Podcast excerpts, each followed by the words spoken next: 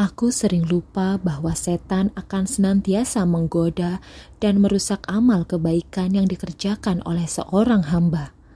Sudah seharusnya aku terus berusaha untuk melawan iblis beserta pasukannya hingga aku bertemu dengan Tuhanku kelak dalam keadaan iman dan ikhlas pada seluruh amal perbuatanku. Selengkapnya tetap di channel podcast Narasi Pos.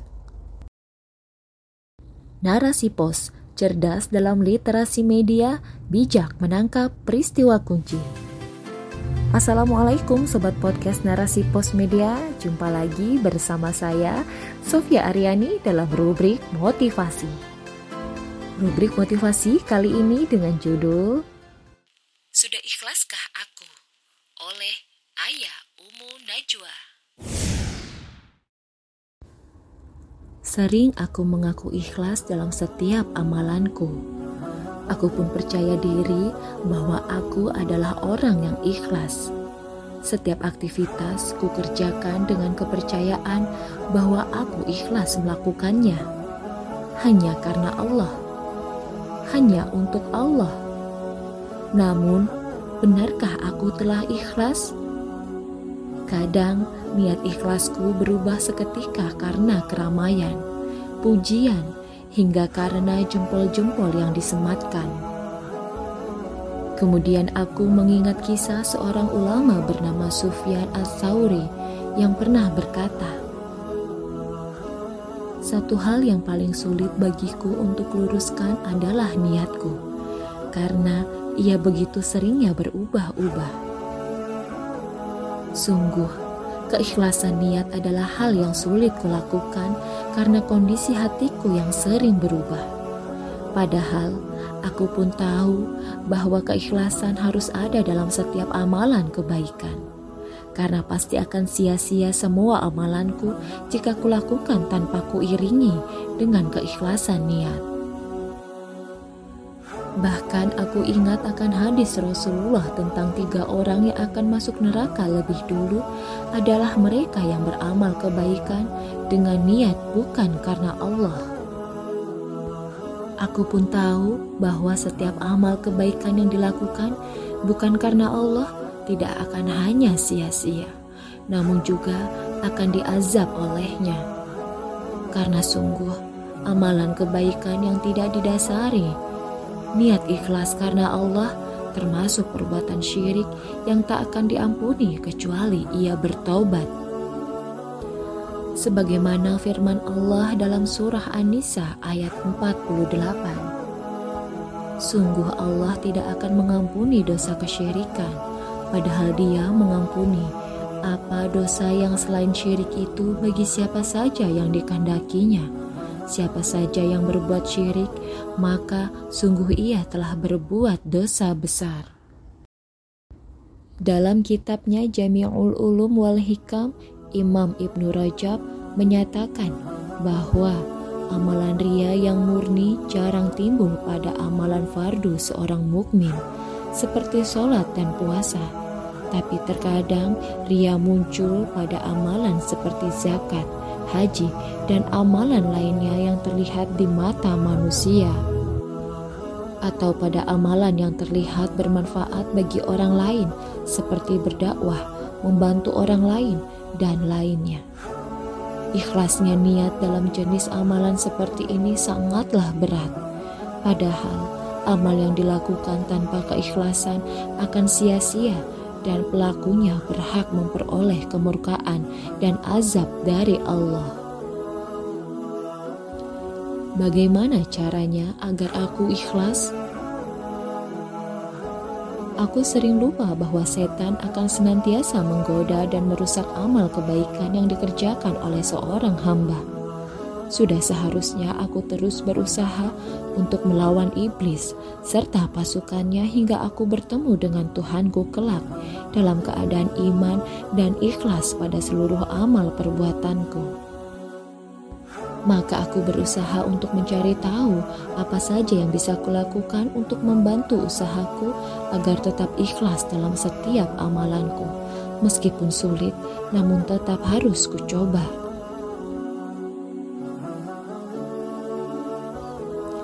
Pertama, aku harus memperbanyak doa kepada Allah agar membantuku untuk lebih ikhlas dalam setiap amalanku.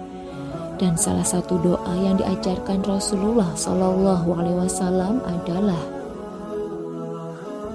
Ya Allah, sungguh aku memohon kepadamu perlindungan dari perbuatan menyekutukanmu sedang aku mengetahuinya, dan aku pun memohon ampun kepadamu atas perbuatan syirik yang tidak aku ketahui. Hadis Sohi riwayat Imam Ahmad. Kedua, aku harus menyembunyikan amal kebaikan yang kulakukan. Aku berharap hal ini dapat membantuku untuk lebih ikhlas dalam beramal. Rasulullah Shallallahu Alaihi Wasallam pernah bersabda dalam sebuah hadis riwayat Imam Bukhari dan Muslim tentang tujuh golongan manusia yang akan dinaungi Allah pada hari kiamat. Salah satunya adalah dan seseorang yang berinfak dan menyembunyikan infaknya tersebut hingga tangan kirinya tidak mengetahui apa yang dilakukan oleh tangan kanannya. Sungguh harus kurenungkan nasihat Bashar bin Al-Haris berikut. Janganlah kamu beramal agar kalian dielulukan. Sembunyikanlah kebaikanmu sebagaimana kamu menyembunyikan aibmu. Ketiga, memandang rendah setiap amal kebaikan yang kulakukan. Dengan begitu, aku tidak akan merasa ujub atau berbangga diri dengan amalan yang telah kukerjakan. Padahal itu akan merusak niat ikhlasku karena semakin aku bangga, semakin sia-sia amalanku. Sa'id bin Jubair, seorang ilmuwan di masa khilafah Umayyah, pernah berkata, Ada manusia yang masuk surga dikarenakan perbuatan maksiat, dan ada manusia yang masuk neraka karena amal kebaikannya. Ada yang bertanya kepadanya, "Bagaimana itu bisa terjadi?" Jawabnya, seseorang yang bermaksiat, ia pun senantiasa takut akan azab Allah akibat perbuatannya itu. Maka ia pun bertemu dengan Allah, sedang Allah mengampuni dosanya karena rasa takutnya. Sementara ada orang yang melakukan kebaikan, ia senantiasa bangga terhadap amalannya itu. Maka dalam keadaan demikian, ia pun bertemu Allah maka Allah pun memasukkannya ke neraka. Keempat, aku takut amalanku tidak diterima karena keikhlasan tidak hanya harus ada ketika aku mengerjakan amal kebaikan itu. Namun, keikhlasan harus senantiasa ada, baik sebelum maupun sesudah kukerjakan. Rasa takut itu harus terus ada dalam diri untuk mencegah rasa bangga muncul dalam hati. Sebab Allah berfirman dalam surah Al-Mu'minun ayat 60. Dan orang-orang yang memberikan apa yang telah mereka berikan dengan rasa takut karena mereka tahu bahwa sesungguhnya mereka akan dikembalikan kepada Tuhan mereka. Imam Ibnu Katsir berkata bahwa Allah menjelaskan pada ayat tersebut yakni termasuk sifat-sifat orang mukmin adalah mereka yang memberi suatu pemberian. Namun, mereka takut dan cemas amal perbuatannya tersebut tidak akan diterima. Rasulullah Shallallahu Alaihi Wasallam pernah bersabda dalam hadis Sahih riwayat Imam At-Tirmizi dari ibunda Aisyah radhiyallahu anha tatkala beliau bertanya kepada Rasulullah tentang makna ayat di atas.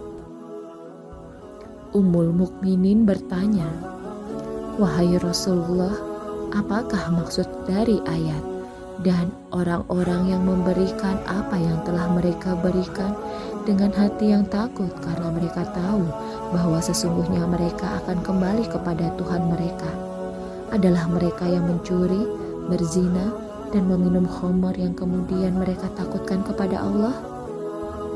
Maka Rasulullah menjawab, "Tidak, wahai putri Abu Bakar Ashidik. Maksud dari ayat tersebut adalah mereka yang sholat, puasa, juga bersedekah. Namun mereka takut Allah tidak akan menerima amalan mereka tersebut. Kelima, aku tidak boleh terpengaruh dengan perkataan manusia karena pujian adalah sesuatu yang disukai oleh manusia dan celaan merupakan hal yang tidak disukai oleh manusia. Aku tidak boleh menjadikan pujian dan celaan sebagai alasan aku beramal baik. Pujian haruslah menambah ketawaduan. Juga pujian akan menjadi fitnah sehingga kita harus senantiasa berdoa kepada Allah agar menyelamatkan kita dari fitnah tersebut. Sungguh aku harus ingat pujian tak akan bermanfaat bagiku dan celaan tak akan pernah membahayakanku kecuali datangnya dari Allah.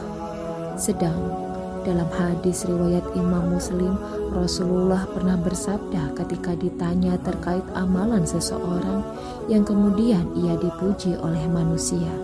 Kemudian beliau Shallallahu Alaihi Wasallam menjawab, itu merupakan kabar gembira bagi seorang Muslim yang disegerakan.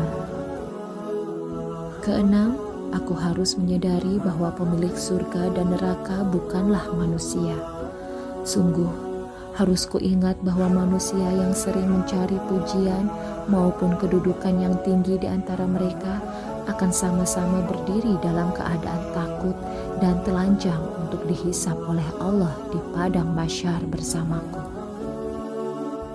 Kami akan sama-sama menunggu keputusan apakah surga ataukah neraka untuk kami.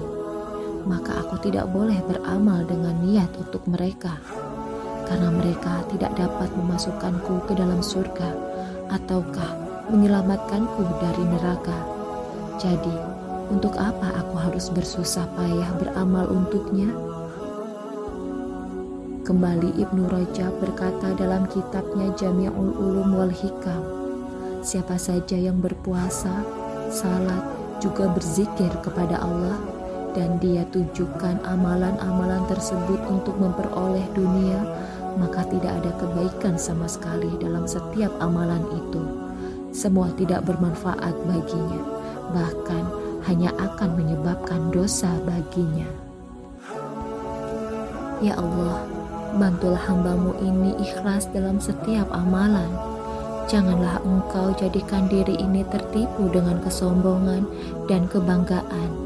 Jadikan ketawaduan senantiasa melekat pada diri hamba terimalah amalanku yang tak seberapa. Layakkanlah aku masuk surga dan jauhkanlah api neraka dariku. Amin. Wallahu a'lam.